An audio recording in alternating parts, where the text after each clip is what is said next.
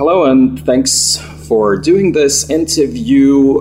Like start... Brīdī, kad šī intervija skanēs ēterā, Pedro Sančes visticamāk jau tiks ievēlēts par nākamo Spānijas premjerministru.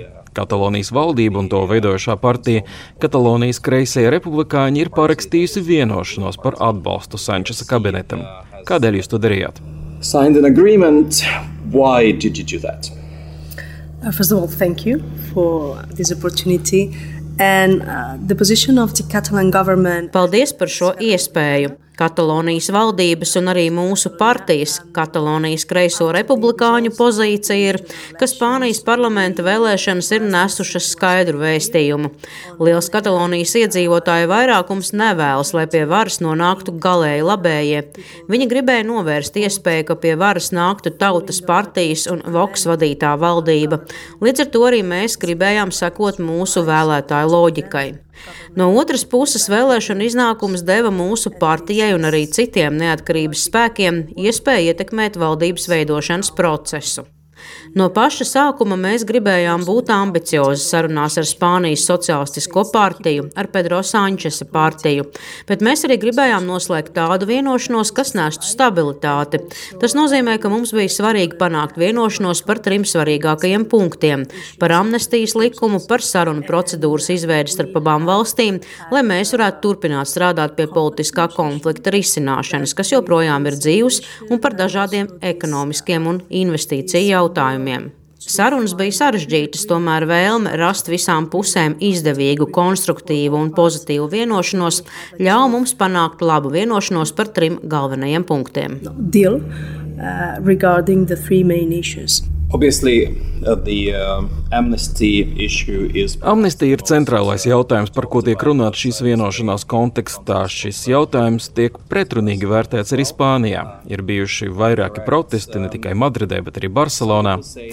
Daži teiktu, ka tas viss ir nedaudz negodīgi. Valdība, kuras sastāvā jūs toreiz bijāt, apzinājās, ko tā dara, ka tā zināja, ka tiek pārkāpts likums, ka līdzekļi tiek nepienācīgi izlietoti un ka tiek darīts daudz kas cits, ko Madrida to toreiz neatbalstīja. Tādēļ jums tagad vajadzētu par to uzņemties atbildību, bet jūs tā vietā mēģināt no tās izvairīties. Kind of Just um, to main um, answers on one hand, Es gribētu pateikt divas svarīgākās lietas. Vispirms, saskaņā ar kriminālu likumu, referenduma organizēšana nav noziegums. Tas nekad nav bijis noziegums, un tas nebija arī toreiz. Arī toreizējais Spānijas ekonomikas ministrs atzina, ka mēs neizmantojām budžeta līdzekļus, lai organizētu referendumu. Aizvadītajos gados tādas starptautiskās organizācijas kā Eiropas padome un dažādu apvienoto nāciju organizācijas ziņotāji ir teikuši, ka neatkarības kustības līderu, aktīvistu, pat juristu un žurnālistu tiesiskā vajāšana ir cilvēktiesība pārkāpums. Amnestija ir nākamais solis, kas seko vienošanām, kas tika panāktas iepriekšējā parlamenta sasaukuma laikā, piemēram, apcietināto apžēlošana, Spānijas krimināla likuma pārskatīšana, lai musināšana tiktu izslēgta no nozieguma saraksta. Šādi pietuvinot Spānijas krimināla likumu Eiropas standartiem. Tie visi ir bijuši soļi, kas sekoja starptautisko organizāciju prasībām. Līdz ar to amnestija ir nākamais solis, lai izbeigtu politisko oponentu tiesisko vajāšanu lai izbeigtu politiskā konflikta kriminalizēšanu. Turklāt amnestijas kā politiskā līdzekļa izmantošana nav nekas jauns. Aizvadīto 40 gadu laikā Eiropā amnestija tika izmantota dažādās valstīs un dažādiem mērķiem. Pastāv zināma vienprātība, ka tas ir labs līdzeklis, lai rastu politisku risinājumu politiskiem konfliktiem. Arī Spānijā ir bijušas dažādas amnestijas dažādu iemeslu dēļ. Savulaik tās skāra pat cilvēkus, kas nepārprotami ir tik tikuši pieķerti korupcijā. Šoreiz neviens no vairāk nekā 400 cilvēkiem, kurus varētu skart amnestija, nav apsūdzēts korupcijā. Šis solis palīdzēs rast politisku stabilitāti gan Spānijā, gan Katalonijā, un tas ir mērķis, par ko mēs esam vienojušies. And this is the commitment that we have agreed Kāpēc tad tiesneši un citu juridisko profesiju pārstāvji pret to protestē? There are some judges, there are some associations, and there are Ir atsevišķi tiesneši un atsevišķas asociācijas, kā arī cilvēki, kuri balstoties uz savu politisko pārliecību, varētu būt pret šo soli.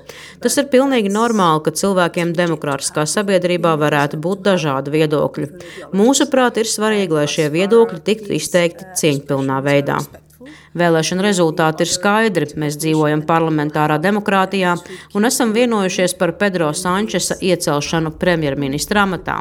Tam sekos amnestija, kas būs pilnīgi tiesiska un atbilstoša konstitūcijai.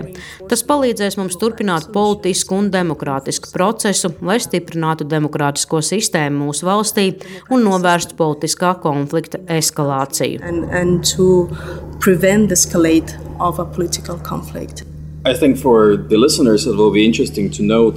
Es domāju, ka mūsu klausītājiem būtu interesanti zināt to, ka arī jums bija jāpamet Katalonija un jāpavada dažus gadus ārzemēs, jo jūs 2017. gadā bijāt Puigdemona valdības sastāvā. Pastāstiet, kā jums ir izdevies atgriezties. Turklāt es pieļauju, ka šī amnestija skars arī jūs, ne tikai Puigdemona, kas ir redzamākā šī stāsta seja. Um, yeah, in short, or trying to be short in my personal history. Īsumā ir tā, ka es patiešām biju ministra tajā Katalonijas valdībā, kas 2017. gada 1. oktobrī organizēja neatkarības referendumu. Es atbraucu uz Briseli kopā ar valdības vadītāju Puigdemonu uz dažām dienām, lai izskaidrotu to, kas to brīdi notika. Mēs ieradāmies te 30. oktobrī un 2. novembrī mani valdības kolēģi, kas nebija kopā ar mums atbraukuši, tika arestēti. Pēc šiem arestiem es nolēmu palikt te, jo arī pret mani bija izvirzītas apsūdzības un izsludināts aresta orderis. Trīs ar pus gadus es pavadīju Briselē un biju Katalonijas valdības oficiālā pārstāve, mēģinot palīdzēt rast politisku un demokrātisku konflikta risinājumu. Viņiem nebija nekādu pierādījumu, ka es būtu nepareizi izlietojis budžeta līdzekļus, tāpēc viņi nemaz nepieprasīja Eiropas aresta orderi pret mani. Es varēju atgriezties 2021. gada martā, jo reģionālajās vēlēšanās es tiku ievēlēta Katalonijas parlamentā.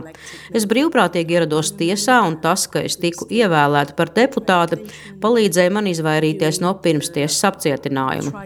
Tiesa man attaisnoja apsūdzībās par nepareizu līdzekļu izmantošanu, bet es saņēmu sodu, kas paredz aizliegumu vienu gadu ieņemt valsts pārvaldes amatus, kā arī sodu. Esmu to pārsūdzējusi un tagad gaidu atbildi.